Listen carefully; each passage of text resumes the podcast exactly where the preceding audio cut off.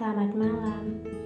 Di sini saya ingin memulai sebagai biang lala, gadis yang bersembunyi di balik sebuah nama pena yang seharusnya jadi judul buku, sebuah kata pemberian seseorang.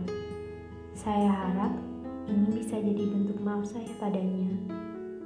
Biang lala itu pelangi, adanya sementara, tapi adanya tidak berkesan sementara.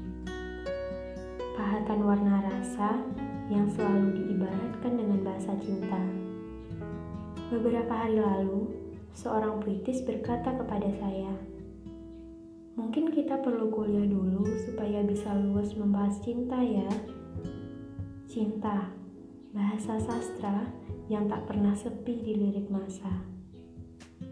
Menurut saya, manusia itu biang lala. Bila energinya habis, mereka tak mampu bergerak. Jika kamu tak mau diibaratkan demikian, biar saya saja. Setidaknya, saya ingin menjadi tempat orang-orang mengekspresikan bahagianya. Beberapa pertanyaan yang tak pernah lepas dari benak pemimpi, seperti bagaimana cara untuk bangkit, bagaimana cara untuk memulai, bagaimana cara untuk mengumpulkan niat. Saya juga bertanya demikian.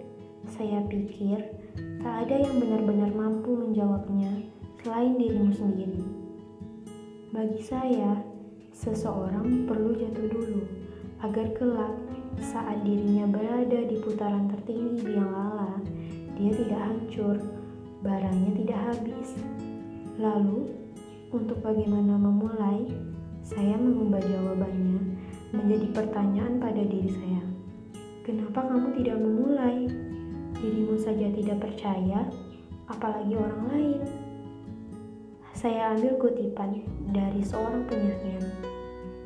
Hidupmu adalah sejarah dan karyamu yang mengabadikannya. Sebagian orang berpikir, napas yang indah hanya dari orang yang sudah indah.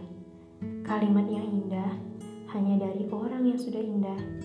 Maka, saya belum jadi orang yang seperti itu.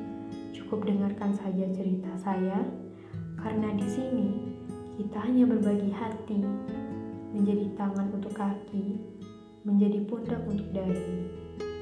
Bagaimana ceritamu hari ini? Masih ragu pada mimpi? Mau saya bantu menata draft mimpimu? Berbagi saja di sini, biar saya yang berbaik hati. Oh iya, terima kasih untuk teman yang sudah bantu menjadi ukiran dari podcast ini. Sampai jumpa di suara berikutnya.